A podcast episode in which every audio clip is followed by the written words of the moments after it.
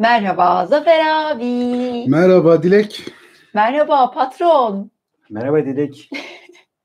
Sana gülüyorduk biz Zafer abiyle de yakalandık. Daha doğrusu ben yakalandım. Bana mı gülüyordunuz? Kulaklığın olduğu için bağıra bağıra konuşuyorsun bizimle. Sesinin az çıktığını sanıyor. Ama bağırıyorsun. Yani Bak evet hemen ses geliyor sıkıntı yok demişler. evet. Hemen desteğe geldiler sağ olsunlar. Arkadaşlar herkese iyi akşamlar. Ee, yine yeni bir Kayıp Öyküler Öyküler. bölümünde bir aradayız canlı yayında. Cep kalem versene. Vereyim abi.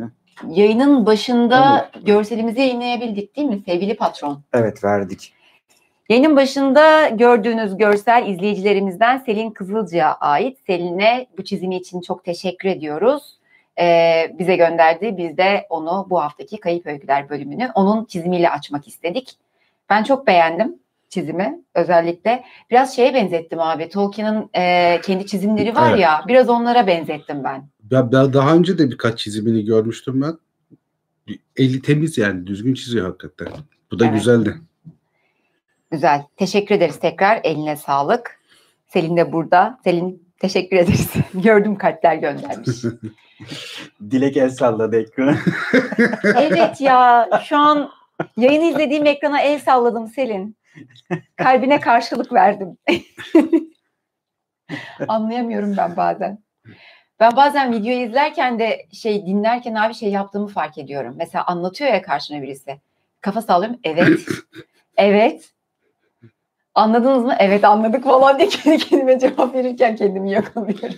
Rahmetli anneannem de o eski televizyon kapanırken hani en son iyi geceler denir ya spiker kapatırken. O da sana da evladım derdi. Da işte. Aynen hesap abi. Televizyon başında büyümüş bir nesil olduğumu nasıl belli ediyorum.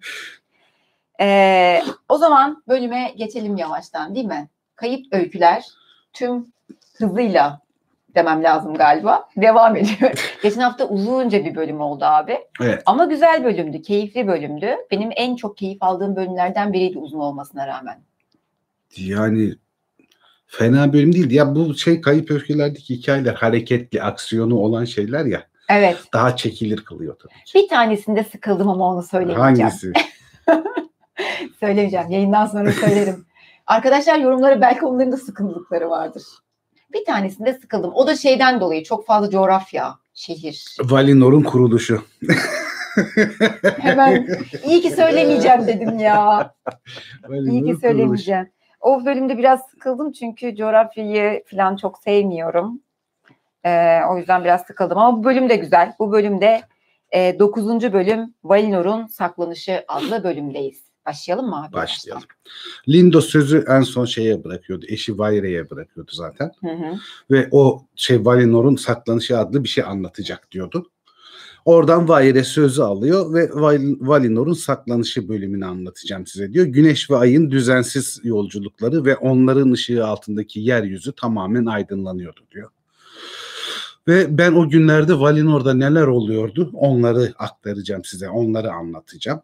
Işık teknelerinin güçleri o kadar fazlaydı ki bu fazla ışımadan dolayı artık bir rahatsızlık olmaya başlamıştı. Hem ısı çok fazla artıyor hem de ışık çok fazla oluyordu.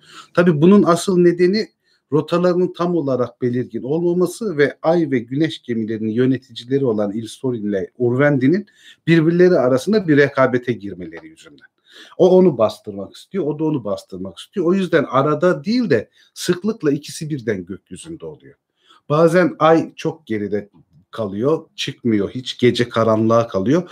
Bazen de güneşle birlikte hareket ediyor. Urvendi de ayın bu tutarsızlığından rahatsız, o da hırs yapıyor. Bu sefer normal yörüngesinin uzaklığından değil yeryüzüne daha yakın geçiyor. Daha yakın geçtiği zaman o korkunç ısısı falan çok daha fazla hissedilir oluyor. Bu da büyük bir tedirginlik yaratıyor aslında. Dünya için bu iyi olmayacak mı acaba falan diye bir korkuları var Valar'ın Manwen'in de. Ee, burada böyle bir giriş yaptıktan sonra Güneş ve Ay'ın hikayesini burada bırakıyor Vaire ve şeye geçiyor. Ee, Valinor'un saklanışı sürecine geçiyor. Evet. Bir ara veriyormuş gibi ya da bir yol değiştiriyor öyle diyelim. Diyor ki tüm, tüm bunlar olurken özellikle elfler arasında bir huzursuzluk vardı. Bu elfler arasındaki en büyük huzursuzluk da Teleri ya da Vanyar elflerinin değil Solosompi elflerinin huzursuzluğu. Hı hı. Çünkü onlar şeyde e, akraba katliamında katledilenler oldukları için e, çok rahatsızlar bu durumdan ve içlerindeki e, acı sönmüyor ve korkuları da artıyor. Yeniden böyle bir şey başımıza gelebilir mi falan diye bir tedirginlikleri var. Hatta aralarında şey diye konuşuyorlar. Diyorlar ki dünya tanrıların avlusuna döndü. Artık ışık da var. Herkes e, büyük dünyada, dış topraklarda istediği gibi gezebiliyor falan. Oralar tamam. Valinor'da tanrılar zaten garanti altında onlara bir zarar gelmiyor ve buraları da yeniden düzeltmeye falan başlıyorlar. Karanlık bir yer kalmadı. Melko şeye gitti, dış topraklara gitti, büyük topraklara gitti. Orada kendi gibi pek çok karanlık ruh buldu. Onların e, şeyini e, ortaklıklarını aldı, onları emri altına aldı. Böylece çok güçlendi ve Melkor'un da bize karşı kininin bitmeyeceğini hepimiz biliyoruz. Öyle ya da böyle Melkor geri dönebilir ve bize zarar verebilir diyorlar. Daha da kötü bu yanlış bir bilgilenme ya da bir e, kinlenmenin sonucu oraya giden Noldor'un de Melkor'un uşağı haline geldiğini düşünüyorlar. Bu konuda akrabalarına aslında haksızlık yapıyorlar ama Melkor'un peşinden gidip Melkor'un yandaşları oldular falan diye düşünüyorlar. O yüzden de o diğer tarafı dış topraklardakileri kendilerine göre çok güçlü hissediyorlar. Bu konuda bir şeyler yapılmalı falan hikayesi var. Ve e, şey e, güneşin yapılışından sonra hala yıkıntıların falan tam olarak toplanmamış olması da bu bezginliklerini falan arttırıyor. Tanrılar da aslında Noldor'un yaptıklarını unutmamışlar. Hani öyle bir unutkanlık falan yok ama e, onları affetmiyorlar ama Solosompiler hiç affetmiyor. Yani onlar için akraba katliamı meselesi hiç bitmiyor. Bir de onların liderleri Ainiros diye birisi. Hı hı. E, o da şeyde e, Kos'taki e, saldırı sırasında, akraba katliamı sırasında savaşa dahil olmuş, canını kaçarak kurtarmış ama erkek kardeşi o savaş sırasında öldürülmüş biri. O yüzden kişisel kini de var Noldor'a karşı, Gnomlara karşı ve halkının arasında sürekli konuşarak bu şeyi, korkuyu körüklüyor. Zaten lider pozisyonda olduğu için lafı da çok de, şeyi geçiyor. Manve de bu gelişmelerden haberdar tabii. Yani bu dedikodaları, bu kaynaşmayı, bu karışıklığı falan hissediyor ya da biliyor adamları sayesinde. Ve e, henüz tasarımlarının dünyada yapacakları tasarımların tam olarak gerçekleşmediğinin de farkında. Bunları da tamamlamak istiyor. Bunların da düzelmesi lazım. Sonra şeyden çok tedirgin güneş ve ayın bu aşırı yakınlığından, ışığın ve ısının çok fazla yükselmesinden çok tedirgin. Buraya da diyor bir şey yapmalıyız. Düzene sokmak. Düzene gerek. sokmak lazım. İnsanlar geldi gelecek onları Melkor'un eline bırakamayız ya da bu ısı çok fazla artarsa gelir gelmez perişan olacaklar. Onlar hakkında da bir şeyler yapmalıyız ama şöyle de bir çelişki var. Zaten e, Valinor'daki elfler insanlara gıcık oldukları için Melkor tarafından o şekilde öğretildikleri için direkt olarak bundan da bahsedemiyor bir konsey toplayıp hani insanlar için de şunları yapmalıyız falan da diyemiyor. O yüzden şey yapmaya karar veriyor. Diyor ki ben güneş ve ayın rotasını belirlemek, onların verdiği zararı en as, asgari düzeye çekebilmek için bir Valar toplantısı yapacağım. Valar divanı toplayacağım ama şeyde Valinor'daki bütün elfler de davetli. Bütün Valar bu davete katılıyor ve onların dizlerin dibinden de Solosompi elfleri, kıyı kavalcıları ve e, Teleri elfleri de diziliyorlar. Orada şeyden bahsediyor aslında. E, işte güneş ve ay hakkında ne yapabiliriz? Bu konuda fikirleriniz nedir? Ne tür bir düzenleme getirebiliriz falan diyor. Tedirgin olduğu için de hiç şeyden bahsetmiyor. İnsanlardan falan da bahsetmiyor. Ama e, bunun konuşması bittikten sonra, Manve'nin konuşması bittikten sonra Ainoros yani Teleri'nin, e, Solosompi'nin lideri olan söz alıyor ve e, konuşmaya başlıyor. Valinor çok savunmasız bir hale geldi. Melko çok fazla kuvvetlendi.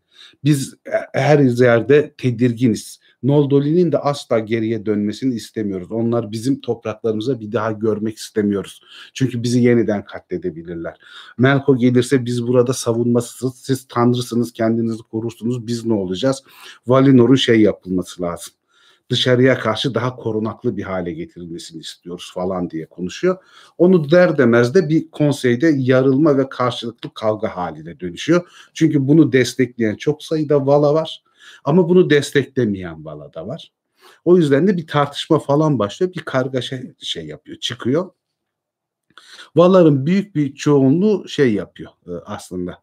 Valinor'un ayrılması yani daha doğrusu şöyle ayrılması demeyeyim de dış dünyaya kapanarak korunaklı bir yer haline gelmesi konusunda Solosompi ile aynı fikirdeler. Hı hı. Buna katılmayan üç tane var. Manve, karısı Varda ve Ulmu. Onlar bu işin doğru olmadığını söylüyorlar.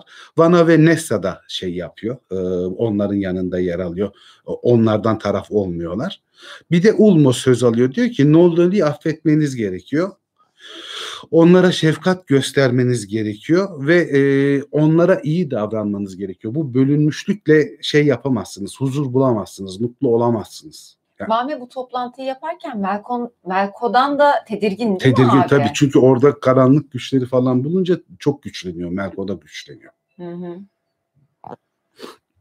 Ve bu tedirginliklerini falan söyleyince Ulmo bu sefer tekrar çok büyük bir kargaşa çıkıyor. Yani sen nasıl konuşursun, bizi nasıl barıştırmaya çalışırsın falan diye büyük kavga çıkıyor. Hatta şey diyorlar, Valinor üzerinde asla duyulmayan kötü laflar bile birbirlerini söylemeye başladılar diyor şey e, anlatıcı. O iş o kadar dallanıp budaklanınca ve çok çirkin bir hale gelince Manve kızıyor ve konseyi terk ediyor. Olacağı buydu. Evet.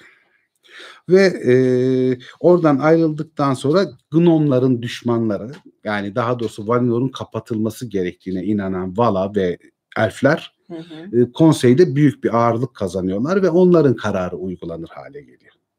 Ve şey diyorlar tamam Valinor'u saklayacağız. Biz hı hı. bu korunmayı yapacağız. O karara varıyorlar. Ve Valinor'un saklanması dediğimiz iş burada Burada başlıyor. Başlıyor.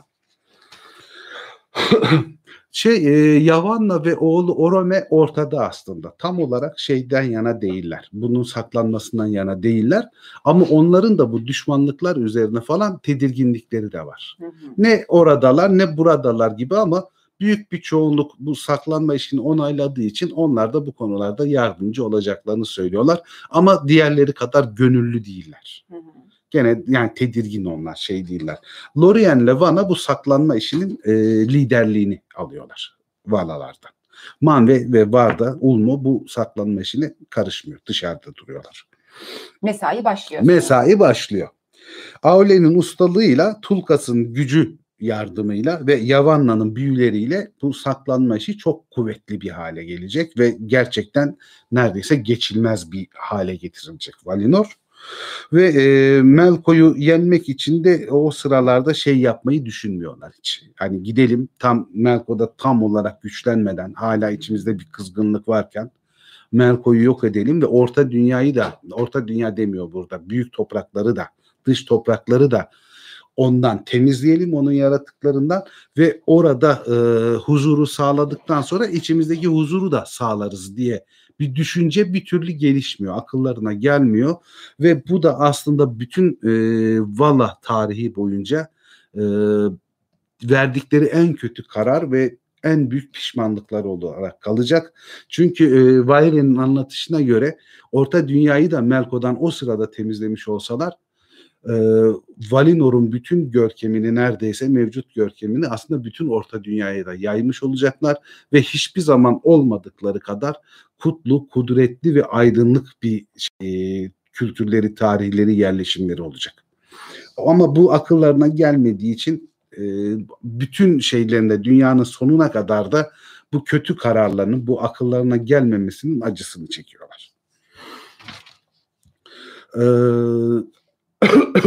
Valar ilk başta doğudaki dağlara, Valinor dağlarına gidiyor ve oraları yükseltmeye başlıyor. Sadece dağları e, kilometre olarak yükseltmiyorlar.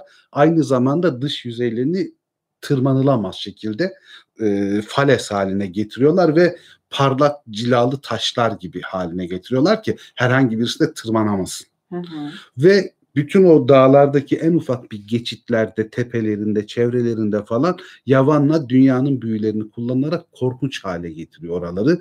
Oraya hiç kimse cesaret edemeyecek kadar ürpertici oluyor. Hatta o kadar korkunç bir hale geliyor ki ne Utumno ne de Melkor'un şu anda yerleştiği kuzeydeki demir dağlarındaki kaleleri bile o kadar korkunç değildi diyor. Yani korkunç bir savunma yapıyorlar Doğu dağlarında. Sonra daha güneye indiklerinde orada şey var. Ungoliant'tan kalma karanlık e, ağlar var. Yani hiç ışığı geçirmeyen hatta oralarda da hemen hiç kimse yürüyemiyor bile çünkü karanlıkta yollarını kaybediyorlar falan. Tanrılar o ağları alıyor daha güneye doğru fırlatıyorlar. Bir de pistir o ağlar. Pis ağlar Yapışkan. yapış yapış diye Öyle. tahmin ediliyor. Ağlar o güneydeki dağlardan e, geçip daha dışarı atılınca bir kısmı da gölgeli denizlere doğru uzanıyor. Bir ışık hani ışıksız karanlık dağılıyor oralarda ve dağıldığı zaman da bu sefer e, limanın o fenerlerden bahsetmiştik. Pırıl pırıl Hı hı. mücevher gibi fenerler falan. Artık onları görünmez hale getiren bir gölge oluşturuyor. Artık o limanların eski muhteşem güzel görüntüsü de kalmamış oluyor. Ve Korda lambalarının ışığını e, denizlere geçirememiş oluyor Kor kenti ve böylece aslında biraz da karanlıkta ve eskisinden daha çirkin bir halde kalıyorlar savunma tedbirleri sebebiyle. Tanrıların çabaları, büyüleri kuzeyden güneye doğru uzanıyordu diyor.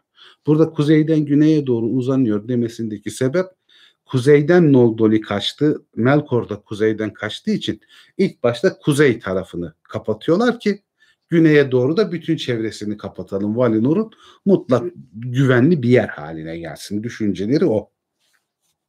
Bizim amacımız dünyada dünyadan Valinor'a gelen bütün yolları iptal etmek, bütün yolları kapatmak, bütün yolları geçişsiz olarak kılmak ve e, oradan geçmeye çalışanları da büyülerle ya da karıştırılmış yollarla, labirente dönüştürülmüş yollarla beraber geçilemez büyülü yerler haline getirmek ve e, onları ortadan kaldırmaktır diye de bir açıklama yapıyorlar. Hmm. Denizlerde de bütün gemiler e, bir karmaşaya e, karışsınlar ve e, yaklaşamasınlar Valinor'a falan diye Ulmo yardım etmiyor tabi ama Ose ve Ose'ye ait ruhlar, ikinci ruhlar oralarda büyük girdaplar ve fırtınalar yaratmak üzere belli bir düzende yerleştiriliyor. Böylece kuzeyden gelecek gemilerde e, limana Kolpas limanına yanaşamayacak. Daha gelmeden girdaplarda ve şeylerde e, fırtınalarda yok olacaklar. Onun da planını yapmış oluyorlar. Ose Ulmo'nun gelmeyeceğini duyunca daha da büyük hevesle yapmıştır. Evet Orse ile Ulmo arasında büyük rekabet var yani. Büyük rekabet, büyük bir gıcıklık. Ama aynı zarar da vermiyorlar abi birbirlerine ama. Yani şey de değil öyle bir düşmanlık da yok aslında. Tam bir savaş durumu yok ama birbirlerinden hoşlanmıyorlar ve birilerinin gıcığına iş yapıyorlar yani. Bir kıskançlık durumu seviyor. Daha doğrusu Ose Ulmo'nun gıcığına işler Evet. yapıyor aslında. Ulmo hani şey yapmıyor. O kadar kale almıyor onu Evet yani. çok salladığı yok onun. Sadece tanrıların habercilerinin e, bildiği kuzeyin karanlık yabanlıkları, güneyin derin yerleri boyunca uzanan dolambaçlı yolları şey kapattılar. Valinor tek başına duruyor ve artık huzurluyuz demiş Lorien bütün bu işler yapıldıktan sonra da. Bunu da duyunca bana mutluluk içinde yeniden abat ettiği bahçelerine giderek şarkılarını söylemeye devam etmiş. Hoppa şarkıda. Evet, Valinor %99 seviyesinde artık dış dünyadan. Ama yine de Soloson Pit gidip de limanda dolaşırken falan gene büyük bir keyifsizlik ve korku içindeler. Peki diyorlar Noldoli gittiği yerden denizden değil de karadan doğru bize gelirse ne yapacağız? Biz onların yüzlerini bile görmek istemiyoruz. Hı. Ya gelip tekrar bize saldırırlarsa ve yeniden katlederlerse. Sonra tam önlerindeki denize bakıyorlar bu doğuya doğru. Orada bir korunma yok. Ya oradan e, gemilerle gelirlerse diye de bir tedirginlikleri var. Bu huzursuzlukları bir türlü bitmiyor solo solo. Bence resmen belayı çağırıyor bunlar abi. Yani evet çok Kesinlikle. üstüne gidersen bir şeyi çıkıyor değil mi? Kesinlikle. Ve e, diyorlar ki yani bu duruma bir son verilmeli. Yani bu bizi daha fazla korumalılar. Hı hı. Zaten şeyde e, toplantı sırasında da bayağı büyük laflar ediyorlar. Yani siz bizi çağırdınız, bize sonsuz mutluluk vaat ettiniz falan ama siz şey yapmıyorsunuz, bu sefer bizi korumuyorsunuz falan diye. Hatta Manve deliriyor yani orada şey diyor.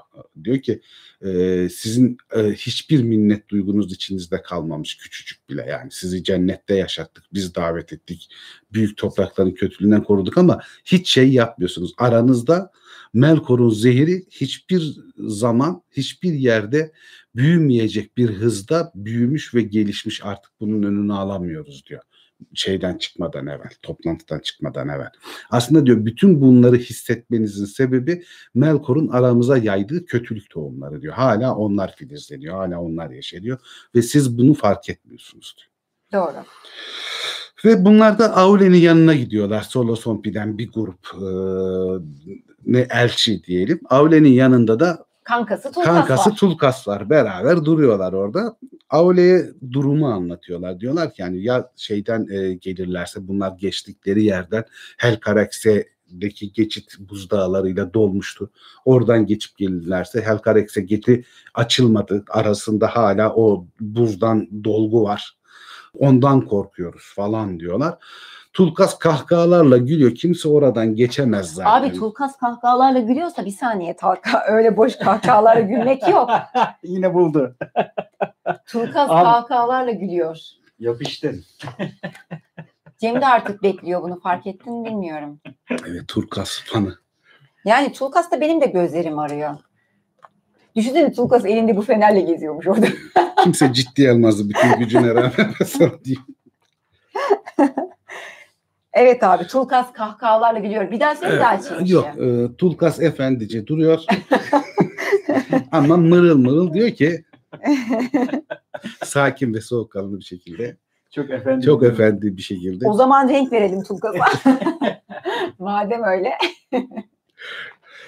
Orada diyor şeyden oralardan kimse gelemez. Valinor öyle bir kapatıldı ki en yüksek hava katmanından birileri gelmedikten sonra kimse buralara artık dış dünyadan gelemez diyor. Zaten diyor Melkon'un da havadan gelemeyeceği kesin çünkü Manve'nin de dediği gibi Melkon'un havada bir gücü yok.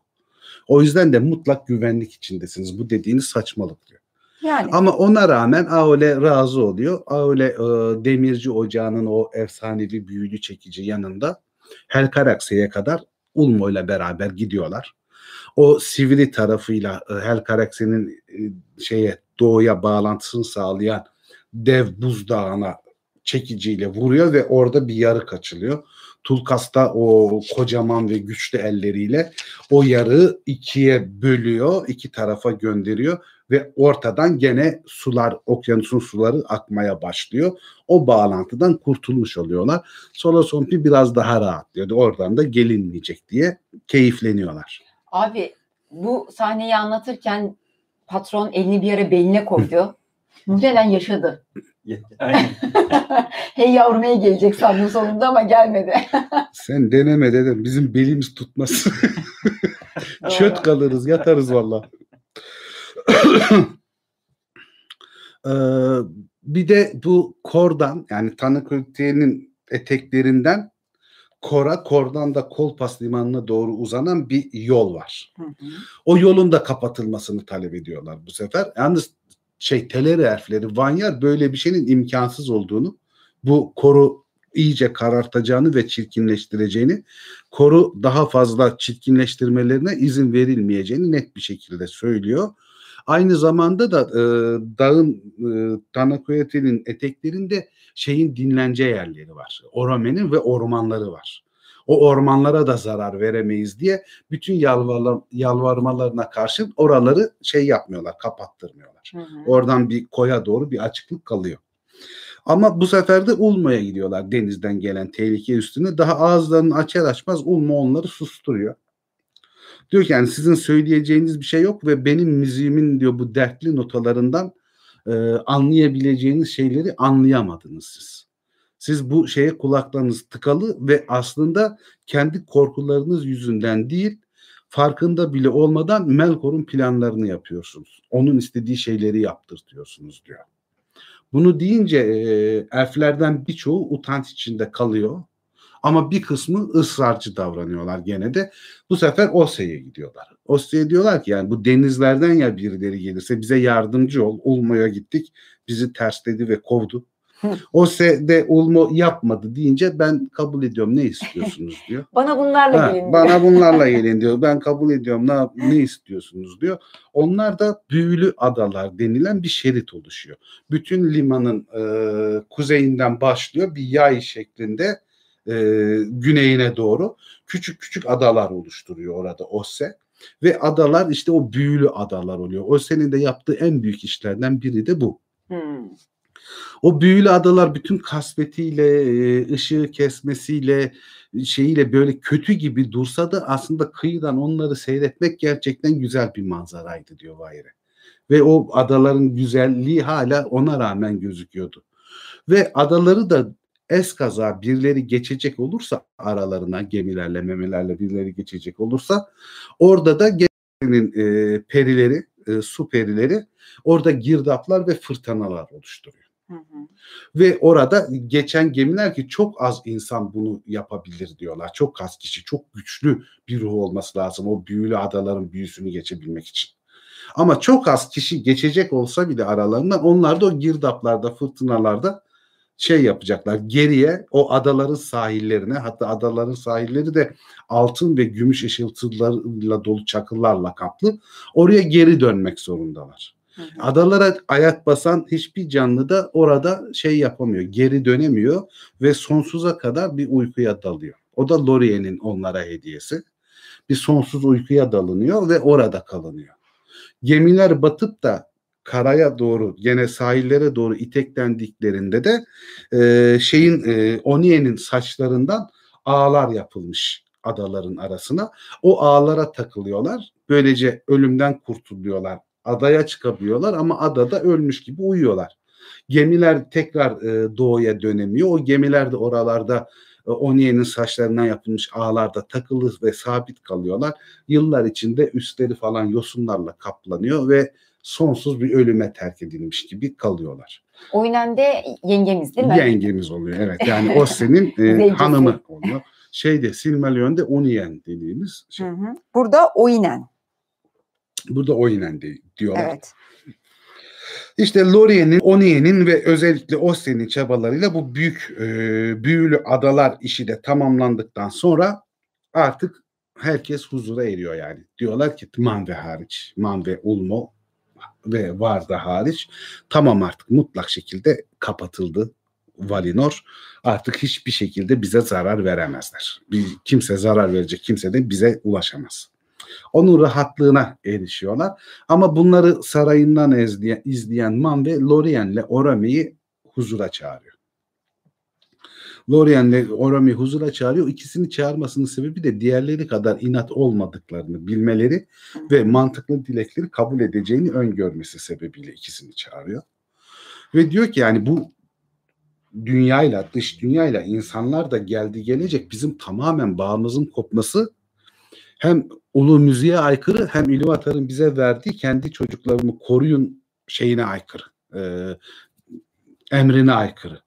O yüzden diyor bizim oraya bir şekilde iletişim kurmamız, gidip geliyor olmamız lazım. Bizim bir şeyler yapıyor olmamız lazım. Ha diyor ben bütün bu Valinor'u saklatışı için yapılan tanrısal çabaların tamamını ben gidin kaldırın falan da demiyorum. Büyük bir kısmı gereksiz bir e, şüpheden doğan ya da Melkor'un şüphe ekmesinden doğan korkulardan dolayı olsa da mutlak yararsızlığı da diyemem. Yani Valinor'un da evet kendine göre korunması lazım.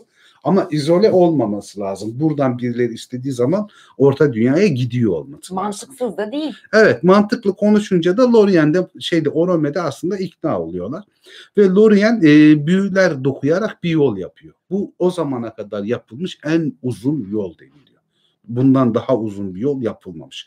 Doğudaki diyarların dünyanın dış yabanlıklarının en gizli şekilde geçip oralarda dolanarak hemen her yerine ulaşan altın ya da inci pırıltısı gibi gözle görülür görünmez bir yol bu.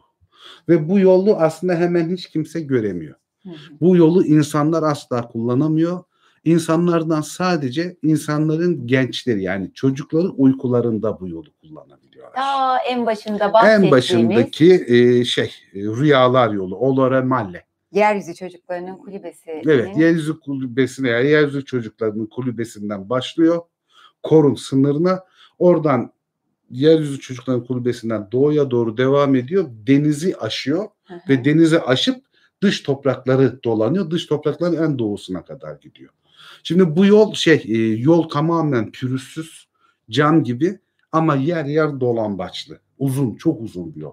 Yalnız şöyle bir özelliği var. Bu yolu kullananlar yürürken asla yorulmuyorlar. Yani yorulmadan bütün bir yolu geçebiliyorlar. Bu yolu geçen çok az insan oldu diyor. Yani çok az canlı oldu kullanan. Ama işte insanların çocukları rüyalarında o yolu kullanmayı öğreniyorlar daha sonra. Ve insanların çocukları sadece rüyalarında o yolu bulup gelebiliyorlar. Evet. Şahaneydi o Evet. Oraya da ya. şey deniliyor işte. Olara malle deniliyor. Yani birinci bölümde anlattığı şeyi dokuzuncu bölümde a- açıklaması da süper bir yetenek. Yani sürekli şeyler var ya İç içe aktarmalar var, geçiyor. iç içe geçiyor. Yani şey yapmıyor. Yani bu hikayenin başını sonunu bırakmıyor. Birbirine bağlıyor, bağlıyor, bağlıyor. Evet, yani. Biraz da Peter Pan etkisi aldım abi. buna. Evet, Neverland Değil hikayesi var, değil mi? Gerçi hangisi daha erken yazılmıştır bilmiyorum. Bilmiyorum. Ben de bilmiyorum Hiç yani. Hiç. Sanki Peter Şey, Pan daha Peter mı Pan erken? daha olabilir. erken yani gibi. olabilir. Sanki evet yani öyleymiş gibi geldi ama Lorien bu büyülü yolu yaptıktan sonra Manve'yi aynı anda dinleyen Orome de gidiyor. Güzel işi Vana'ya.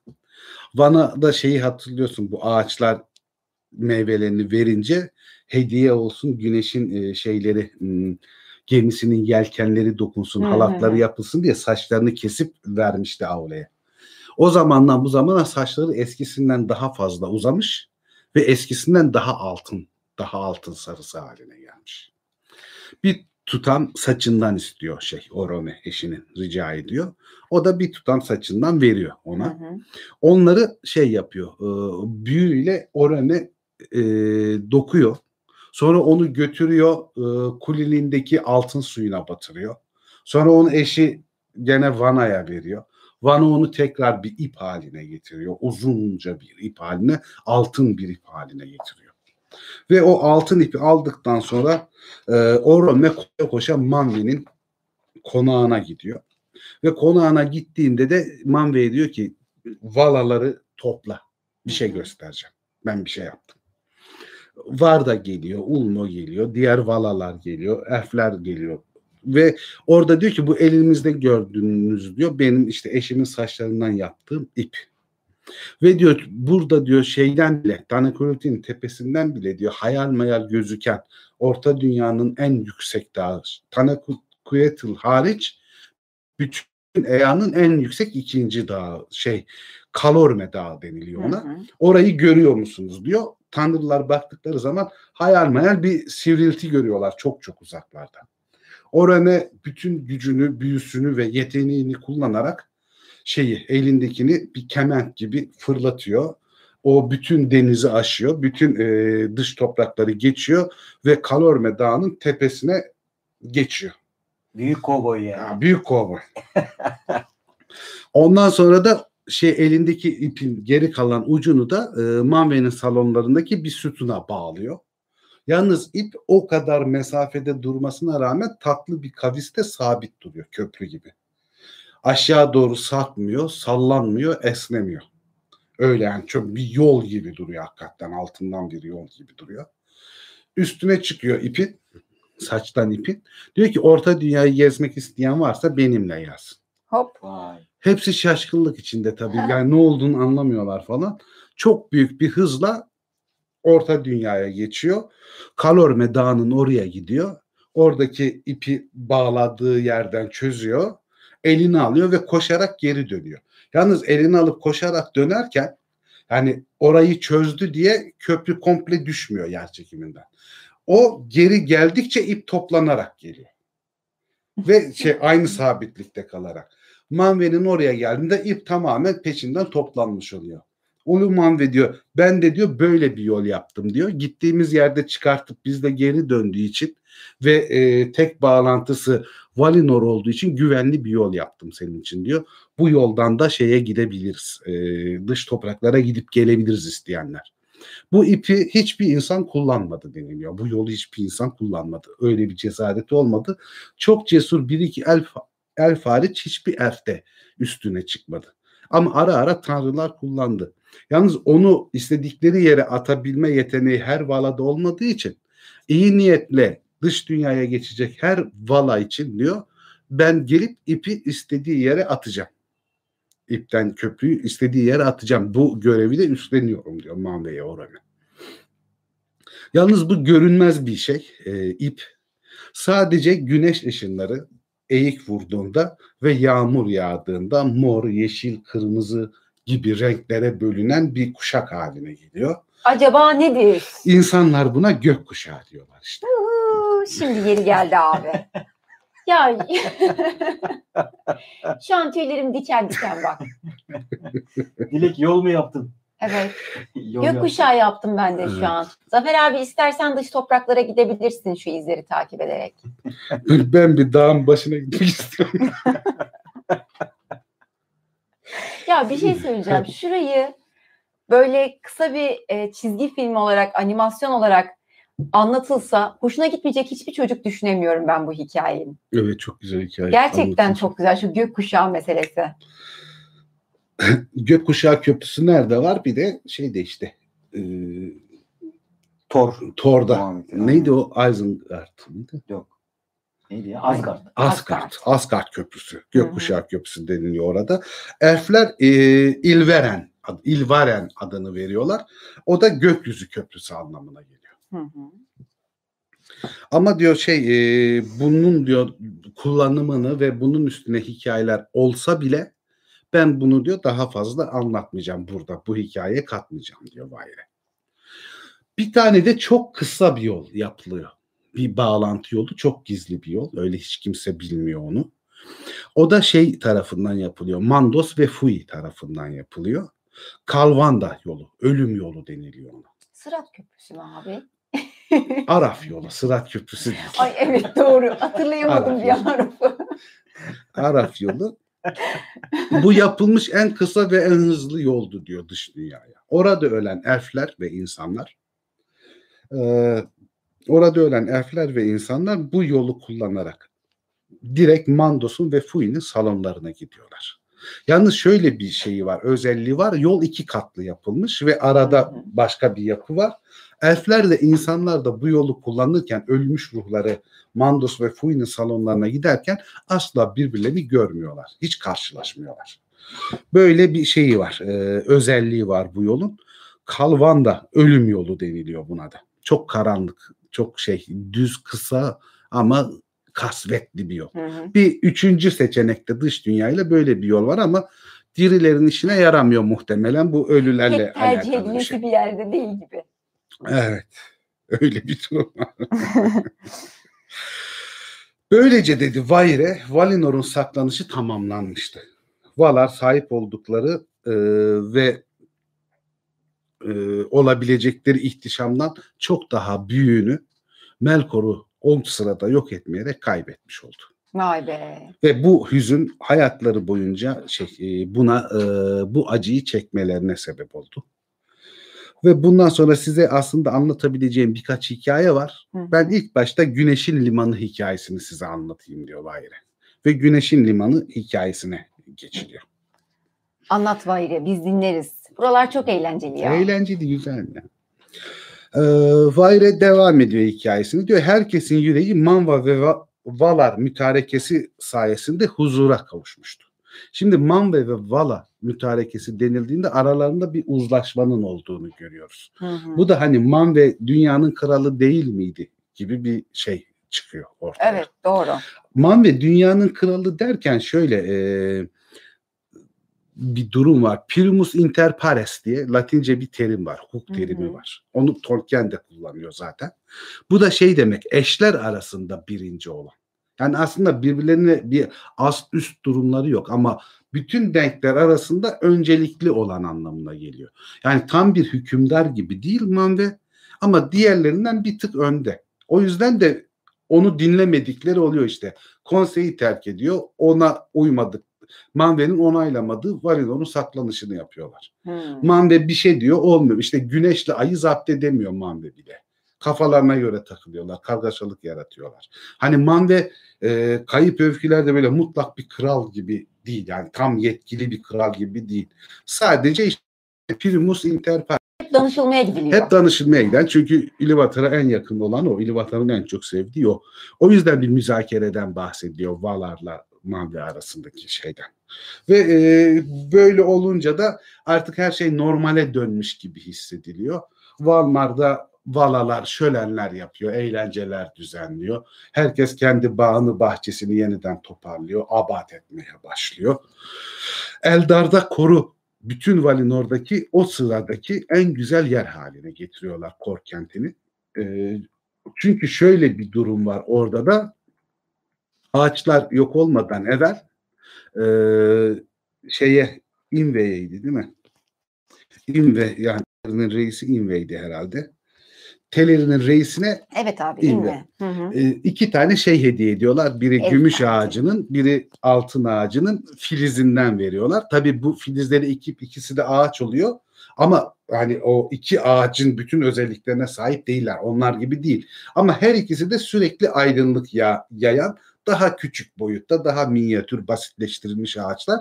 Ama her iki ağacın da tınısını kendi bahçesinde yaydığı için en güzel ışıklandırılmış, en güzel, en sevimli, en narin yer olarak gözüken şey bütün Valinor'da Valmar dahil şey oluyor, kor kenti oluyor. Hı. Yani medeniyetlerin estetik açıdan en doruk noktasına erişmiş oluyorlar bu sırada. Bu iki ağaç daha var Nolome'ye verilen. O Nolome'ye verilenlerden diyor burada bahsetmeyeceğim Vahire. Onlar bir daha Valinor'da görülmedi. Ne olduğu bize söylenmedi. Bilmiyoruz diyorlar. Elfler e, diyarın savunulması ve kendilerinin korunması açısından tam olarak Valar'a güvendiklerini söylüyorlar artık. Hani içimiz rahat diyorlar. Ama eski kederli günlerin Melkor'un ektiği o düşmanlık tohumlarının falan acısı hala tam olarak içlerinden şey yapmış değil. E, atılmış değil. Hala bir tatsızlıkları var. Özellikle Solosompi'nin bir tatsızlığı var. Noldoli'ye karşı özellikle tabii. Lorien'in büyülü yolu tamamlanıp da e, insanların atalarının atalarının çocukları rüyalarında o yolları kullanıp buraya geldiklerinde aslında gerçek bir neşeyi getirecekler. Hı. Ama henüz insanlar yeni doğmuş durumda ve daha henüz o yol tamamlanmamış ve o yolu kullanan kimse de yok şu anda. O da diyor başka bir hikayenin konusu. Burada devam etmeyeceğiz. Yine şey Cem'in sevdiği numaraları Tolkien'in değil mi? Evet. Yani- Bağlantı atıyor. Evet çok güzel bağlantı ama alakasız bir yerde de yani ba- bambaşka bölümün içinde de hop bu bağlantıyı Evet, mutlaka kullanmış. bahsediyor. Hiç es geçmiyor yani. Şey, örgü işi işte. Evet. Tabii örgü tam örgü. Ya o kitapların bağlantıları falan üstüne de bir gün bir şey yapalım. Karşılıklı bir program Bir yapalım. de şey yapalım abi? Yani bu kayıp öykülerde Silmarillion'da böyle hani e, Yüzüklerin Efendisi'ne damatılmış olan benzer hikayeleri toplayıp bir tek video içinde yapalım mı? Yapalım. Güzel Yapalım. olur. Yapalım. Evet yapalım. Yapalım. Onu da yapalım. Bir de bu yani neden kimi kopukluklar oluyor? Kimi hikayeler niye birbirini tam karşılamıyor? Kimi karakterlerden niye vazgeçilmiş falan. Hani bu burada tam bir homojen bütünlük neden sağlanamamış? Edebi yazının ötesindeki farklılıklar neler? Çok büyük editör e, yardımına neden zaman zaman gerek duyulmuş hikayeleri anlatırken falan onların da şeylerini açıkladığımız bir video yaparız. Aynen. Çok güzel olur. Sözü verdin. Ben bir şey demedim. Ya uzun süredir düşündüğüm bir şey bu benim yani bu çekimlerden falan önce de yani kitaplar arasındaki kimi tutarsızlıklar tam karşılık gelmemesi falan. Çünkü Tolkien aslında onların hepsini birbirine yapıştıracak kadar büyük bir edebiyatçı. Hı hı. Yani demek ki bir nedeni var ki tam olarak tutmuyor bu hikaye. Onun üstüne çok hani kafa yorduğum bir şey yıllardır. Hı hı. Düşündüm o yüzden hani onu yapalım şey olmasın üstümüzde kalmasın hani meraklısı da bizim fikrimizi öğrensin. Hani birisi der ki yok öyle değildir şöyledir o ayrı hikaye ama hani ben kendi bildiğimi söylemiş olayım. Hani belki de doğru bulan olur ayılan olur hani bu şekildeymiş ha evet falan diye olur o açıdan. Evet Bence çok güzel olur. Manve ve Ulmo sık sık bir araya gelmeye başlıyorlar. Çünkü artık insanların da e, dış topraklarda geldiğini haberliler. Hı hı. Ve bunların korunması gerektiğini ama insanlardan öldüresiye elflerin kibirleri yüzünden nefret ettiklerini biliyorlar o sırada. Elflere bu konunun açılması sorun çıkartacağını düşünüyorlar. Elflere açılmadan orta dünyada neler yapabiliriz, nasıl yardım edebiliriz falan onların üstüne konuşuyorlar, tartışıyorlar falan. Bayağı şey yapıyorlar hani böyle kendi aralarında diğerlerine duyurmadan büyük toplantılar, büyük sohbetler gerçekleştiriyorlar. Ne yaparız, ne ederiz bilmem ne falan. Sonunda Manve risk alıyor. Gene bir konsey toplamam gerekiyor diyor. Elflerin de ve tüm vaların da katıldığı. Yalnız şeyden diyor direkt insanlardan bahsetmeyelim bu işte. Hı hı. Hani e, artık güneşin ve ayın bu yarattığı sıkıntıları nasıl hallederiz? Rotasına nasıl sokarız? Onu halletmenin zamanı geldi. O da büyük bir sorun. Bunun üstünden ortama bakalım. Hani e, şeylerin tavrı nasıl, diğerlerinin tavrı nasıl falan olmadı. Hani her şey ılımlıysa, daha durulmuşsa falan bu işi hallettikten sonra insanlara yardım ve Noldoli'nin orada yalnız bırakılmaması gerektiğine dair bir şeyler de konuşuruz ama ortama bakalım durduk yerde şey yeniden bir gerginlik, savaş ve huzursuzluk çıkartmayalım falan diye Ulmo ile konuşup anlaşıyorlar ve Manve yeniden bir toplantı düzenliyor. Hı hı. İşte Valar davet ediliyor.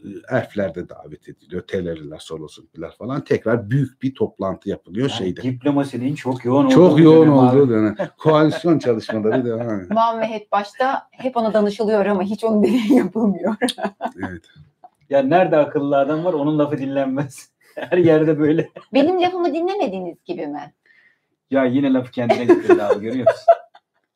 Yani ne söylese kendine çekiyor ya. Seni dinlesek lafını da dinleyeceğiz. Seni dinlemediğimiz için fark etmiyor. evet beni dinlemiyorlar. Dinliyormuş gibi yapıyorsun Yoksa hani ama. senin ne dediğini bir dinlesek dediği şey mantıklı yapacağız da. İkiniz de çok profesyonelsiniz yalnız. Dinliyormuş gibi yapıyorsunuz şahane. Yılların tecrübesi. Aynen Ve Manve toplantı olduğunda diyor ki bu Valinor'un gizlenişiyle falan uğraşırken diyor asıl büyük sorunumuz olan güneşin ve ayın rotalarının ve yüksekliklerinin ayarlanması meselesini diyor kafa yoramadık ne yapacağımızı hmm. falan konuşamadık. Ama diyor bu işler artık ertelenemeyecek bir seviyeye geldi. Isı ve ışık çok fazla e, yaşamı zorlaştırır bir hale geldi. İş çığırından çıkıyor. Onlar konusunda neler yapabiliriz, nasıl davranabiliriz falan bunları şey bir konuşalım istedim diyor. Ve bazıları da şey diye düşünüyor. Diyor ki e, Valların geneli ya diyor bunda yapılabilecek en doğru şey hani ısı ve ışık çok fazlaysa bunları gökyüzünde olabildiğince yukarı kaldıralım. Yeryüzüne yakın gitmesinler ve şeyde ışıkları da ısıları da böylece daha az yeryüzüne gelir. Hatta kimisi şey diye de Çok düşünüyor. akıllıca bir taktik. Hani bunlar diyor dolanıp durmasın. Hani doğuda uzakta bir yere sabitleyelim bunları. Böylece hani rota kontrol etme meselesinden de kurtulmuş oluruz. Doğuda cansız toprakların, kimsenin yaşamadığı toprakların oralara bir yere sabitlersek oradan yayılan ısık da, ısı da, ışık da daha loş olur. Bizim Valinor'umuz da aydınlanır.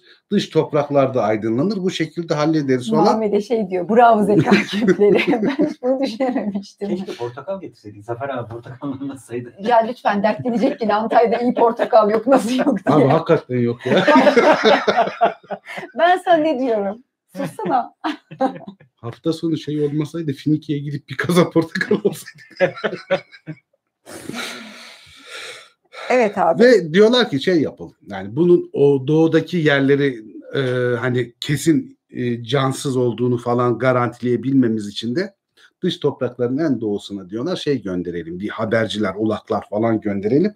Bir baksınlar hani dediğimiz gibi mi oralara sabitleyebilir miyiz güneşi ayı? Hı hı.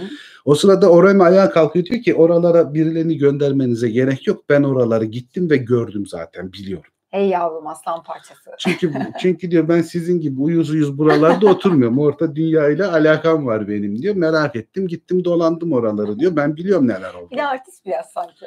Kızıyor çünkü kimse ilgilenmiyor etmiyor ya oralarla orta dünyayla yani dış topraklarla ona kızgın aslında kimse ilgisini çekmiyor falan diye. Hatta annem Yavan'la bile oralara gitmedi diyor. Hani Yavan'la ki hani yeryüzünün annesi olmasına rağmen o bile o kadar doğuya gitmemiş. Kimse de gitmemiş zaten merak da etmemişler. Orada diyor doğuda diyor o kulelerden sonra bir yıkıntı ve yok ediş oluyor ya sıvıların akmasıyla. Onların da ötesinde diyor ıssız topraklar var ve ıssız toprakların sonuna doğru da diyor bir deniz başlıyor. Oralarda pek bir canlı yaşamı bilmem ne falan yok diyor. Oralar bomboş topraklar. Ağaçların yaktığı şey kulelerin yaktığı yerde ötesinde de ıssız bir şey var. Boşluk var ve o denizde sonuçlanıyor. Bir şey yok oralarda diyor.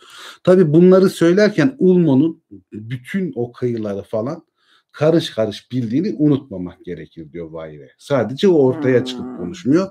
Çünkü denizin suyun olduğu her yeri bilen birisi Ulmo.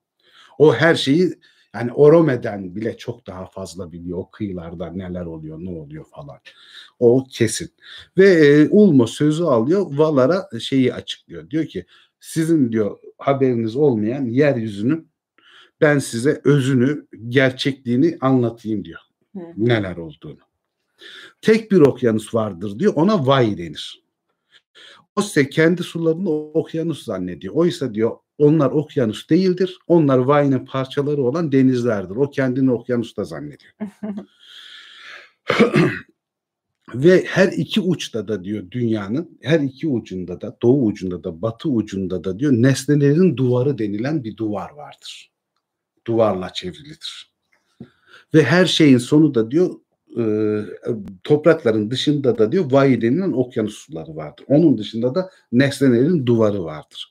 Kuzey bölgesi dediğiniz yer o kadar soğuktur ki artık karadan ayırt edilemeyecek kadar e, fazla ve derine gömülmüş o Vay'ın donmuş sularından oluşur. Hı hı.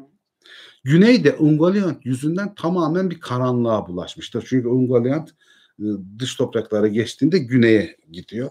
Zifiri karanlıkla örtülüdür.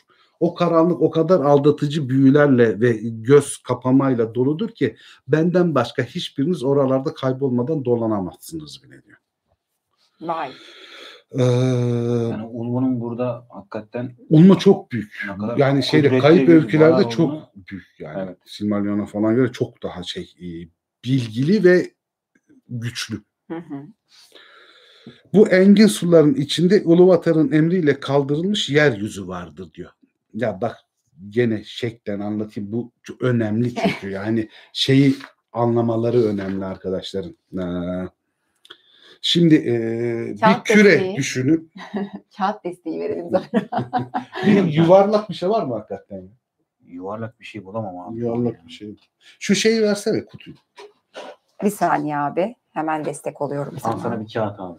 Onu da ver abi. Sana bir kağıt Evet. ve bir yuvarlak. Portakal olmasa da idare et artık abi. şu şeyi tamamlayayım ondan sonra detay anlatayım. Bu engin suların içinde İluvatar'ın emriyle kardırılmış yeryüzü vardır. İluvatar'ın bana söylediği ve onları büyüyle bağlayan veya a- e, bağlayan yüce sözü söylemesem, İluvatar'ın ötü yüce sözü söylemesem ne bir balık yaşar oralarda ne bir ağaç kabuğu olur diyor. Yeryüzü olmazdı diyor İluvatar'ın o büyülü sözü olmasa. Yeryüzünün özü taş ve metaldir. Denizlerde onun oyuklarındaki havuzlar gibidir diyor. Yeryüzünün oyuklarındaki havuzlar gibidir. Ve hala o büyük Vayi denilen denizin içinde yüzmektedir. Adalardan sadece birkaç tanesi bağımsız ve gezer haldedir. Adacık diye gördüğünüz hemen her şey aslında daha sığ denizlerde bir deniz minaresi gibi, kulesi gibi dikilmiş e, alttan bağlı sabit kara topraklardır. Çevresi suyla doludur ama kökleri bağlıdır diyor. Tamam. Tamam. şöyle bir şey anne karnı gibi aslında Tolkien'in burada anlattığı şey. Bütün karın yani yuvarlak diye genel olarak düşünelim Abi böyle burada Ulmo'nun anlattığı Ul- coğrafya, coğrafya temsilini asıl öz- anlatıyorsun. Şey diyor bunu yuvarlak olarak düşünün ve ortadan ikiye bölün yani iki tane yarım küremiz var. Hı hı, Alttaki yarım kürenin içi tamamen suyla dolu. hı hı. Tamamen suyla dolu. Eru'nun emriyle bu suyun içinde altında olan topraklar yükseliyor. Suyun üstüne çıkıyorlar ve orada dış topraklar ve Valinor'u oluşturuyor. Yani oradaki yüzeydeki karaları oluşturuyor. Hı. Suyun içinde yukarı çıktığı için ve bu suya Vayi okyanusu dendiği için aslında bütün çevredeki ve içindeki su kaynaklarının tamamı Vayi ok- okyanusunun bir parçası. O yüzden bir tane deniz vardır diyor. Yani gölgeli denizler, puslu denizler falan diye bir şey yoktur. Vayi'nin içinden yükseliyor. Şimdi burada o öyle yükseliyor düz bir şekilde. Ee, su havuzunun içinde. Bir de üstünde hava katmanları var işte üç tane. Hı. O da ikinci yarım küreyi oluşturuyor gibi düşünsünler. Abi şu gösterdiğim görsel Bir bakayım. ne kadar doğrudur? Bu güzel. Bu güzel bir Bu görsel, güzel bir görsel. Evet. Hani harita olarak doğru değil o kadar Yok ama en azından Ama şey doğru. anlamında. Aslında harita olarak da çok doğru da şu aradaki büyük boşluk var ya sol tarafın Evet. altında. Ora biraz daha kayık şöyle. O kadar büyük bir deniz boşluğu yok. Yoksa harita olarak da doğru. Bayağı doğru yani. İyi, güzel. Üstte de bir diğer yarım kürede hava katmanı. Üç kattan oluşuyor. Hı hı. Ama bununla bitmiyor. Bir de o e, dışarıda işte kenar duvarları denilen çok sert camdan, buzdan ya da sert bir maddeden yapılmış bir duvarla kaplanmış durumda komple şeyin Hmm. çevresi, EA'nın çevresi ve onun dışında da dış karanlık denilen başka bir boyut var. Void. Void var. Başka bir boyut orası. O İşte e, yani yuvarlak bir dünya yok ama daha demin Cem'in dediği gibi. Toprak düz. Yani buradan böyle devam ettiğinde doğuya, batıya da kuzeye, güneye denizlerle çevrilmiş bir sınıra geliyorsun. Hı. Dünya düz. Ama üstü yuvarlakça hava katmanlarıyla örtülü, altı da yuvarlakça vayi denilen denizle kaplı. Onun çevresinde de bu kenar duvarlıklar var. Anne karnındaki bebek gibi biraz aslında. Hmm. Tamamı suyla kaplı. Öyle denilebilir. Şahane anlattın abi. Daha ne olsun. Coğrafya hocası olacaktım ya. Abi coğrafya gerçekten neden bu kadar Benim- sevilmiyor? Benim gibi gıcık birinin ne olacak? Türk Dil Edebiyatı hocası mı? Coğrafya hocası olurdu. Bravo şu an büyük tepki topladın. Diplomasiye çağırıyor. Bir tek Meral Hanım, o da tarihçiydi ya. Meral Hanım'ı severdim diyecektim. O da tarihçiydi, coğrafyacı değil. Sen sıfırcı hoca olurdun ya Zafer abi kesin öğretmen olsan. Hakikaten nasıl öğretmen olurdun abi?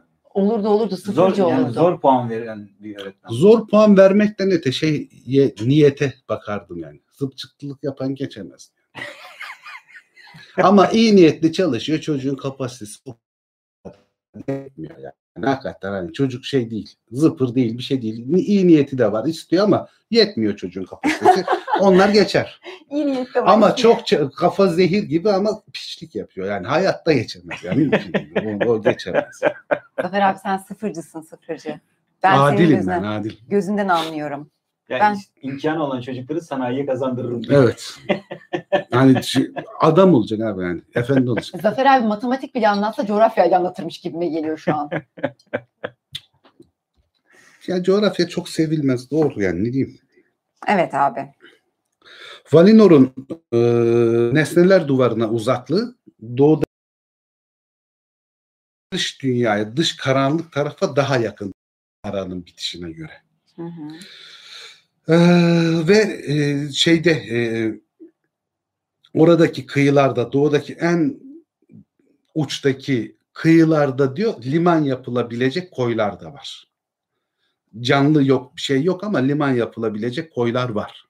O yüzden diyor şey e, benim diyor siz Valar bile diyor Ulmonon Sarayı'nın altında diyor ne tür canlılar olduğunu, ne tür yaratıklar olduğunu bilmezsiniz, hayal bile edemezsiniz diyor bambaşka bir hayat vardır diyor denizin diplerinde. O Vayne'in diplerinde. Yani diyor siz dışarıdan bakıp da oralarda hayat yoktur falan diyorsunuz ama o şeye Vayne'in derinliklerinde diyor şey hayal edemeyeceğiniz aklınıza gelmeyecek yaratıklarla doludur, canlılarla doludur oralar.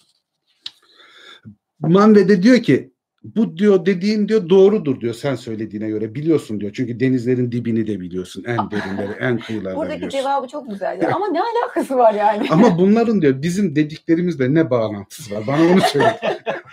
Ama boş yapma diye. Aynen. Ulma da diyor ki beni dinleyin diyor.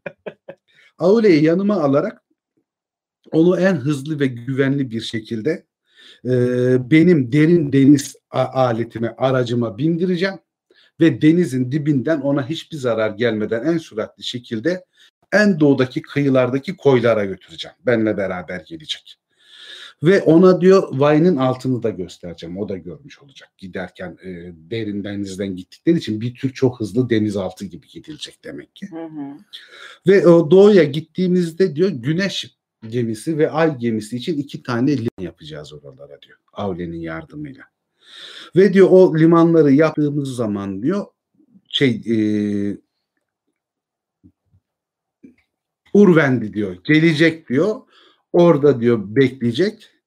E, İlinsor da gelecek, Ay da gelecek, orada bekleyecek. Ve bundan sonra artık batıdan doğup doğuya, doğudan batıya değil sürekli olarak geldikten sonra diyor yol yorgunluğu, keyifsizliği bilmem ne olursa da diyor dış duvarların oralara kadar gölgeye çekilecek ve orada dinlenecek güneş. Hı hı. Ve o bu dinlenmesini yaparken ay diyor doğudan limanından çıkacak ve o devam edecek yörüngesinde Valinor'a gelecek. Her ikisi de dinlenirken diyor bu dinlenmelerini gerçekleştirirken Valinor'da birisi diyor kendi havuzunda şey yapacak e, Faskalan'da yenileyecek kendini. Güneş Urvendi Faskalan havuzuna inecek. İrtinsa gölünün diyor sularıyla da diyor ay kendini yenileyecek. Hı hı. Gökyüzünde diyor birbirlerini izleyerek şey yapacaklar. Devri daim edecekler. Bu konuşma aslında Man ve Ulmo'nun daha önceden planladıkları bir konuşmaydı. Öyle mi? Şaka dışı. Man ve Ulmo daha önceden hani milleti ayartmadan, sinirlendirmeden planlarımızı nasıl hayata geçiririz diye düşünüp böyle bir şey yapmışlar, senaryo yazmışlar aralarında. Onu gerçekleştirmek için şey yapıyorlar. Ve Ulmo da dediği gibi şey Aule'yi alıyor, doğuya doğu ya limanların oraya şey yapmaya gidiyorlar. Limanlar kurmaya gidiyorlar en doğu ucuna toprakların dış toprakların. Güneşin limanı çok genişti ve altındandı. Ayın limanı aynı sığınağın içinde yani aynı körfezin içine yapılmış ayın limanı da aynı sığınakta. Yalnız onunki inci parlaklığında ya da gümüş parlaklığında beyaz daha küçük bir yer kaplayan bir liman. Ee, ve şeyden harika kapılar yapılıyor her ikisine de. Ee, hem e, Güneş Limanı'nın kapısı hem de Ay Limanı'nın kapısı çok büyük güzelliklerde yapılıyor onların ikisi de. Ve o kapılar e, kendiliğinden açılıyor. Yani Güneş Valinor'a girip de artık batışa geçtiğinde anlamsal olarak ayın kapısı otomatik olarak açılıyor ve ay dışarı çıkıyor, devam ediyor. Böylece daha bir düzenli birbirlerini çok takip edemeden şey yapacaklar diye düşünülüyor. Bir rota tutturacaklar, gidecekler, gelecekler diye düşünülüyor. Bütün bunları diyor hiçbir insan oğlu ya da elf görmedi diyor en doğudaki bu limanları ve kapıları. Birisi hariç. Kim? Aydaki adam. Çünkü o ay gemisinin içinde, adasının içinde zaten. O hale Cuevio. Yalnız diyor onun hakkında da gene burada size bir şey anlatmayacağım. Yani başka bir ülke başka daha bir ülke daha var. Valar önce Vay onlara zarar vermesin diye deniz onlara zarar vermesin diye Ulmo'nun büyüs, büyüsüyle kutsayarak her ikisini de hani Valinor'da dinlendikten sonra e, dünyanın altından Vay'nin içinden geçirip gene limanlarına götürecekler. Ay batmaya başlarken güneş kendisi çıkacak. O sırada ay devam edecek şey dünyanın altından Vay'nin içinden kendi limanına girecek. O Valinor'da batarken ay oradan çıkacak. Öyle bir plan yapıyorlar. Rota çizildi. Rota çiziyorlar. Yani böyle yaparız diyorlar. Oradan devri daim olur. Böyle düşünüyorlar ama sonunda şeyi anlıyorlar. Yani güneş buna uyamıyor. Güneşin ısısı ve e, gücü hmm. Vayne'in altından geçmeyi imkansız kılıyor. Gene de ısrarla bir ara Vayne'in içine sokuyorlar Urvendi'yi güneş gemisiyle beraber hızla ve bütün e, o alt denizleri ışıklara boğarak gidiyor bir mağaraya saklanıyor. Hatta onu böyle elf dalgıçlar, peri dalgıçlar falan aylarca arıyorlar. Bir ara güneş ortalıkta gözükmüyor yani. O mağaralarda saklanmış duruyor. Ve e, en sonunda da Fionve Urvendi'yi buluyor. Güneşi gemisini yöneteni buluyor ve e, Fionve sayesinde Valinor'a geri götürülüyor. E diyorlar bu bu şekilde olmayacak. Bu öykünün adı da e, Korinomi öyküsü diye biliniyor. Ama e, bu öykü kimse tarafından anlatılmaz, kimse tarafından bilinmez. Yani an, burada belki anlatmaya hevesli ama anlatacak bir şey bilmiyor yani. ama Korinomi öyküsü bunun adı da. Bu sefer mecburen tanrılar güneş için madem vayinin altından geçemiyor çok daha başka bir şey planlamamız gerekir diye düşünüyorlar. Ve o zamana kadar yaptıkları ve belki de ondan sonra yapacakları en büyük imar işine giriyorlar o, o dış duvarların oraya gidip e, şeyde batıda gece kapısı diye bir kapı açıyorlar. Hı hı. Kapıların tamamı e, bazalttan yapılmış sütunları falan. İnanılmaz iri, büyük, devasa sütunlar. Üstü de gene bazalt bir şeyle, küpeşteyle kapatılmış. Yalnız onun üstünde simsiyah taşlardan örülmüş ejderha motifleri var. Ejderhaların ağızlarından da buharlar aşağı doğru dökülüyor falan. İnanılmaz güzel bir yapı. Kapı özel bir sözcükte sadece Urvendi'nin söylediği bir sözcükle otomatik olarak açılıyor. Başka hiçbir türlü açılmıyor. Hiçbir şekilde açılması, kırılması mümkün değil. Zaten hiçbir insanın elfin oraya kadar gitmesi mümkün değil. Sırlı kapı yani. Sırlı aslında. bir kapı. Mistik bir kelimeyle açılıyor. Kelimeyi Manve'den öğreniyor. Manve de İluvatar'dan öğreniyor. Yani İluvatar, Manve ve Urvendi'den başka o kelimeyi bilen Vala bile yok. Başka Hmm. tanrılar da yok. Sadece üçü biliyor ve sadece Urvendi kullanıyor kelimeyi.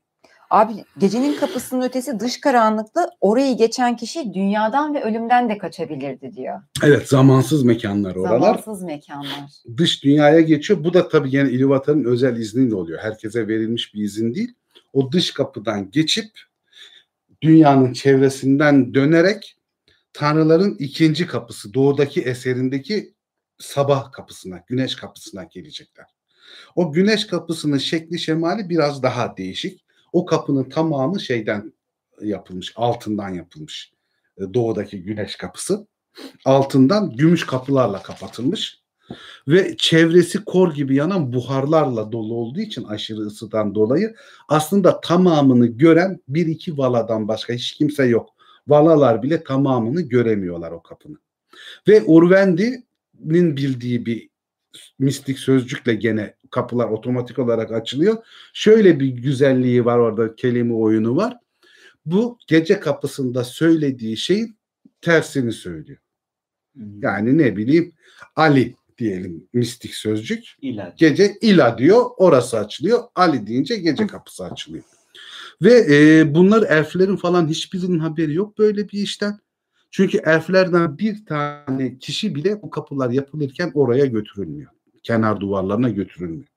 O yüzden de sadece Valar biliyor ve diyor e, Vayre bu Valar'ın aslında tamamen gizli. Hmm. Böylece Ay ve Güneş gemisi Doğu limanından e, şeye batıya batıya geldiklerinde de Güneş gece kapısından çıkıyor. Dünyanın altından değil çevresinden dolanıp Güneş kapısından giriyor ve limanına yanaşıyor. Ay geldiğinde Valinor'a aşağıdan dolanmaya başlıyor. O aşağıdan dolanmaya başlarken Urvendi Güneş limanından çıkıyor ve yörüngesine devam ediyor şeklinde bir düzenek oluşturmuş oluyor tanrılarda. Bu şeyi önemli buluyorum ben e, tasavvur olarak ay dipten dolaşırken güneş çevresinden dolanıyor. Böyle iki ayrı yörüngesi var ikisinin. Hmm, Evet doğru. Güneş Tabii. alttan, güneş kapılardan geçerek çevresinden dolanıyor. Ay alttan Dön, güneş Güneşten. çevresinden. çevresinden.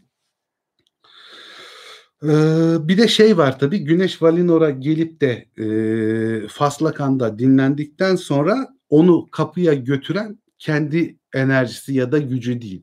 Ulmo dış kapılara kadar çekiyor Güneş'in gemisini. Ulmo dış kapılarını orada bırakıyor. O işte mistik kelimeyi söyleyerek kapıdan dışarı çıkıyor. Bazı zamanlarda diyor şey Vayre Varda'nın da yıldızları e, yıldız gemileri diye geçiyor da yani normal bildiğimiz yıldızlar güneşin peşine takılırlardı diyor. Güneşin peşinden Ulmo'yu da takip ederek o dış duvardaki gece kapısının oraya gelirlerdi. Aman yıldızlar eksik kalmasın bu tasvirde. Ve şey açıldığında o kapı açıldığında dış karanlıktan içeri boran gibi karanlık taşıyor. Yalnız güneşin ışığı o kadar kuvvet ki, kuvvetli ki onların karanlığını püskürtebiliyor.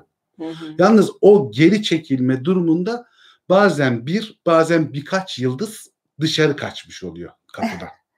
Sonra tekrar açıldığında da kuvvetli bir vakumla içeri doğru şey yapıyorlar, yöneliyorlar ve onları yeryüzünden izlemek çok güzeldi diyor.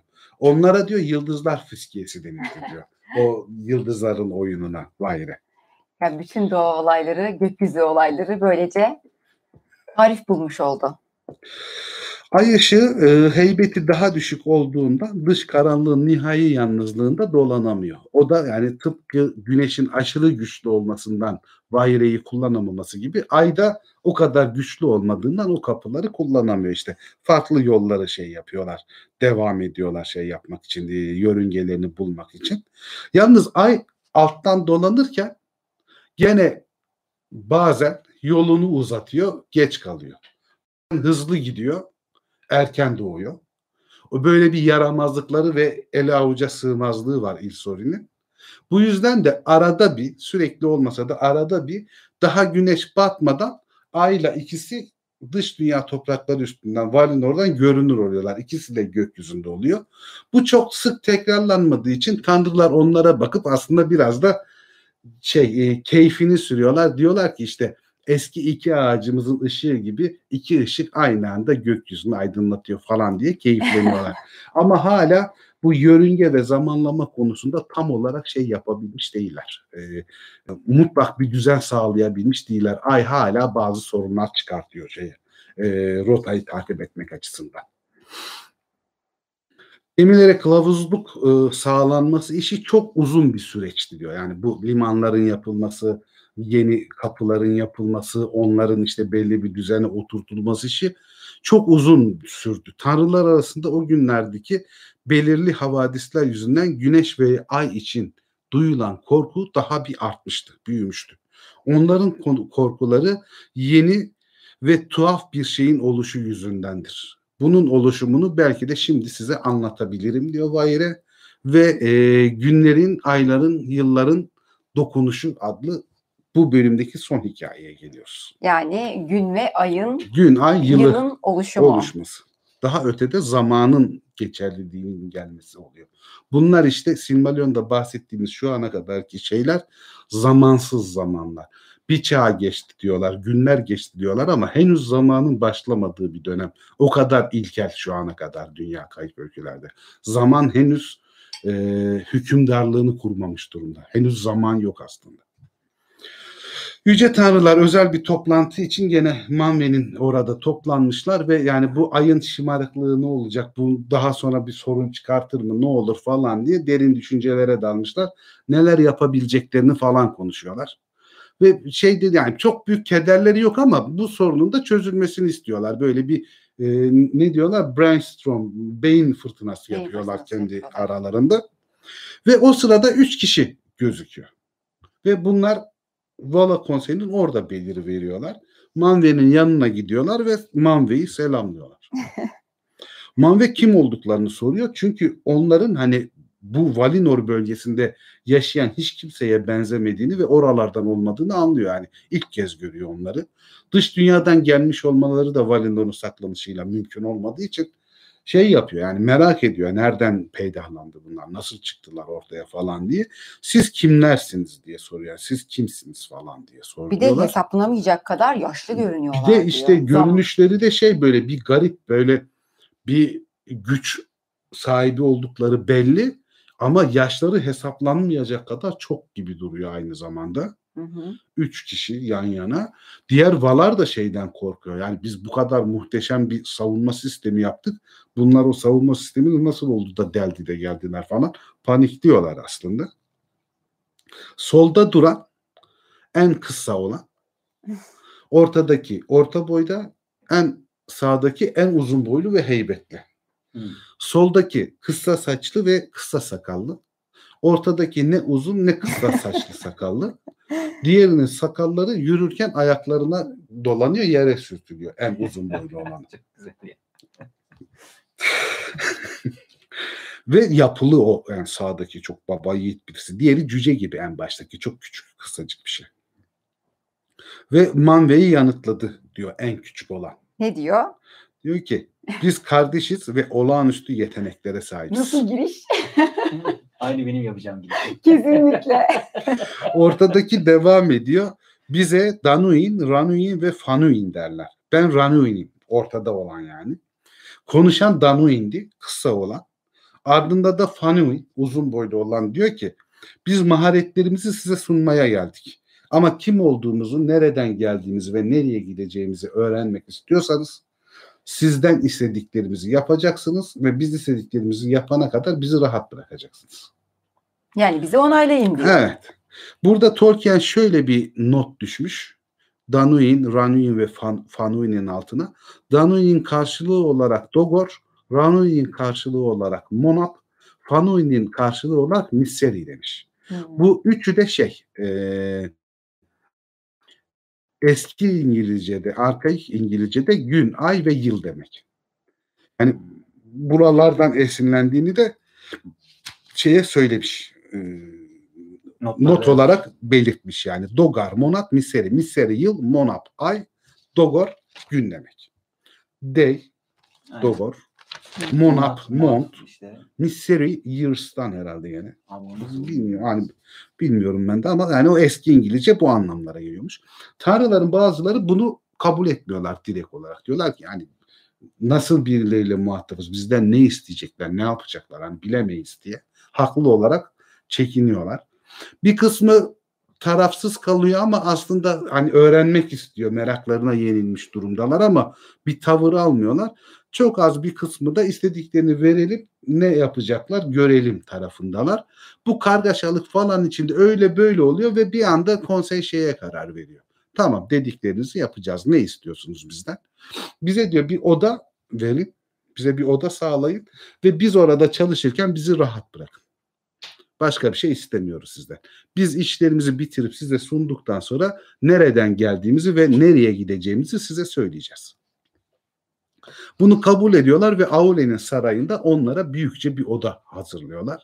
Ve onlar odaya çekiliyorlar. Orada böyle tıkırtılar, sesler, bir şeyler, çalışma şeyleri geliyor kulaklarına ama neler yaptıklarını bilmiyor şeyler, e, diğerleri yani Valar. Merakla Odanın kapısı kilitli, bir bekliyorlar.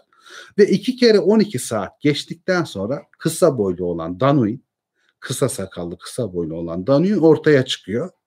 Ve Manve'nin yanına gidiyor. Elini açarak diyor ki sanatımı görüyor musun diyor. Manve bakıyor elinde hiçbir şey yok boş. Ya. Şaşkın bir halden dalga mı geçiyor yani bir şey mi ima ediyor falan anlamadığı için öyle saf saf bakıyor.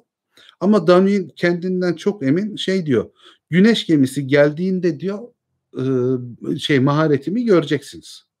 Güneş Valinor'a geldiğinde Ulmo işte şeye gece kapısına götürmeden evvel orada konaklarken bu elinde bir şey tutuyormuş gibi gidiyor ve geminin kıçına elini koyuyor şöyle.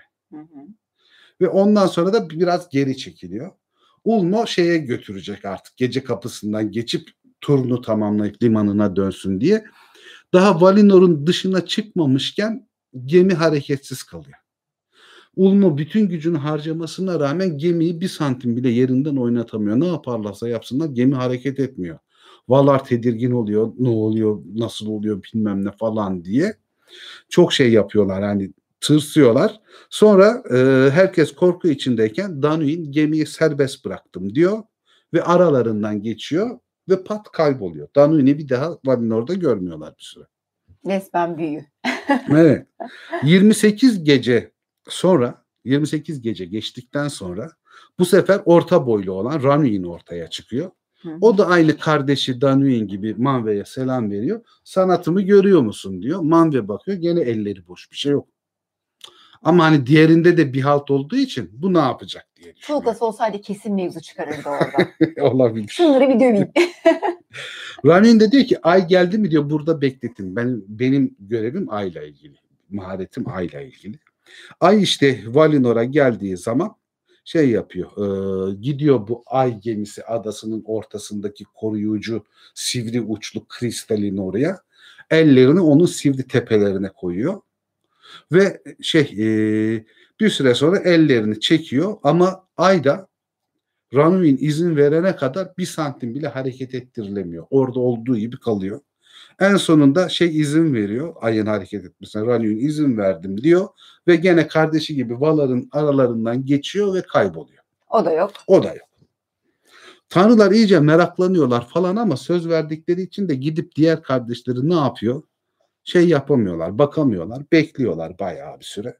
Ay 13 kere ışıyıp solana kadar bekliyorlar. 13 kere ışığı suladıktan sonra uzun boylu heybetli olan kardeşleri Fanuin ortaya çıkıyor.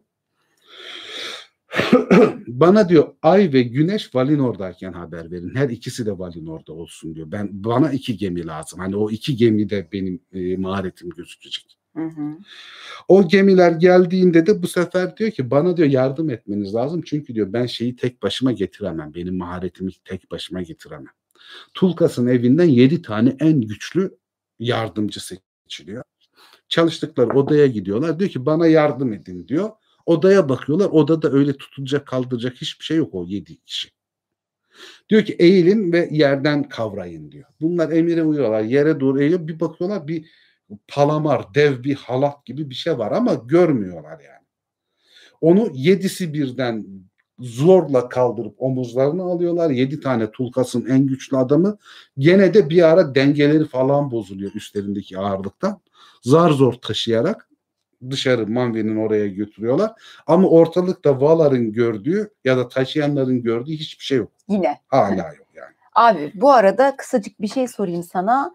Ee, Ahmet Erdem Şahin demiş ki Güneş'in 28 tam turunda ay bir tam tur mu yapıyor yani diye sormuş.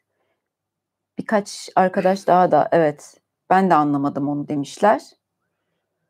30 muydu yoksa tam? Şey demiş. E, yani bir ay kaç gün alınıyor?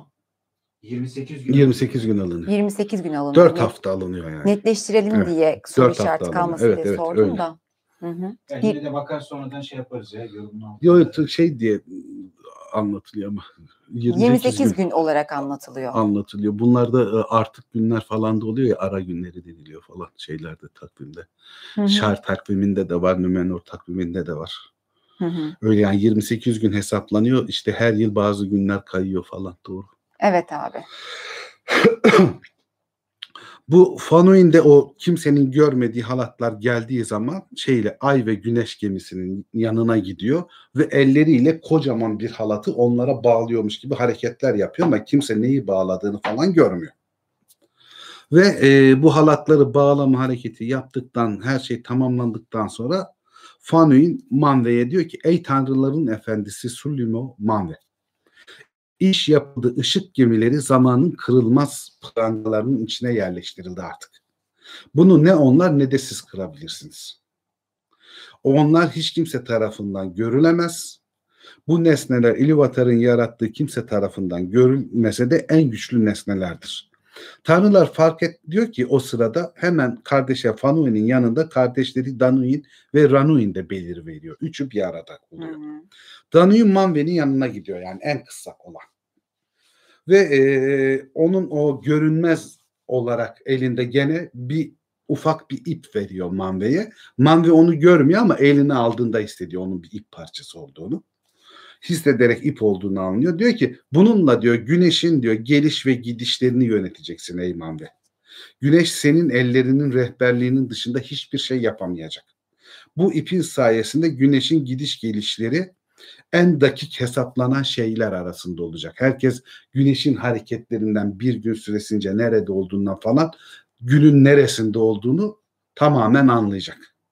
İkinci olarak Ranuin gidiyor. Gene eli boş gibi ama o da ondan daha kalınca bir ip veriyor şeye. E, Manve'ye. Ey Manve diyor bu da diyor ayı diyor zapt edebildiği kadar zapt edebilecektir. Ayda ufak oynamalar olacaktır. Hı. Ama gene de diyor bu ip sayesinde diyor ay senin istemediğin büyük değişiklikler yapamaz yörüngesinde falan. Sen onu diyor süre olarak diyor sabitleyebilirsin. Belki yer olarak, görünüm olarak kaymalar olabilir. Ama diyor gene de şundan emin ol ki diyor elfler ve insanlar ayın gökyüzünde oluşundan nasıl göründüğünden ve neresinde bulunduğundan günün veya da gecenin hangi saatinde olduklarını çok net bir şekilde hatasız bir şekilde öğrenecekler. Emin olabilirsin diyor. Faun'un kuvvetli görünmez palamarının ucunu Manve'nin yanına taşıyor. Ortalıkta görünen bir şey yok ama zar zor taşıdığı bir şey var. Palamar hızla Tanquetil üstündeki bir kayaya bağlanıyor otomatik olarak. Ve bu kayaya ondan sonra da Gonlat adı veriliyor. Bu kayanın adı Gonlat oluyor. Faun'un diyor ki Palamarların en kuvvetlisi olan bu ay ve güneşin gemisini bağlı, birbirlerine bağlı tutacaktır. Bu iple onların hareketlerini birbirlerine göre ayarlayacaksın. Bu ip yılların ipidir. Bu yılın ipidir diyor. Urven kapıdan, gece kapısından çıktığında gün siciminin narin ağlarıyla bütün karmaşıklarıyla birlikte onu örmeye başlayacak. Büyük e, son gelene kadar bu böyle devam edecek. Yani güneşin bir turu diyor bir gün olacak. Günün ağlarıyla örülecek. Ve bu büyük son kıyamet gelene kadar hep böyle olacak. Kesin bir şekilde. Buradan da gün hesabı olacak. Bunların belli bir süre dönmesinden 28 gün ay hesabı ortaya çıkacak. Ve her ikisinin de işte toplamından ayın kaç kere 13 kere doğup batmasından sonra görünüp kaybolmasından sonra da bir yıl olacak. Bu o yılın ipidir diyor. Bütün bunlar diyor şey en e, eski en yaşlı Ayunurlardan zamanın çocuklarıyız biz diyor. Bizim babamız diyor şey e, Aluin. Aluin zaman demek. Hı. Zamanın çocuklarıyız biz diyor ve gün, ay ve yılı temsil ediyoruz. Tanrılar korku içinde kalıyorlar tabii yani çünkü kendi baş edemeyecekleri kadar büyük bir güç olduğunu hissediyorlar bunların ve hiçbir şekilde de onların yaptıklarını geri çeviremeyeceklerini falan anlamış durumdalar yani. Ama ay ve güneş hayallerinden daha dakik bir şekilde yörüngelerinde kalma garantisine de kavuşmuş durumdalar. Ama o anda bile zamanın artık e, bu topraklarda geçerli olduğunu bir başlangıcının olduğunu ve tanrıların bile zamana uzun süreler sonunda yenik düşeceklerini hissediyorlar ve yaşlanmaya başladıklarını anlıyorlar.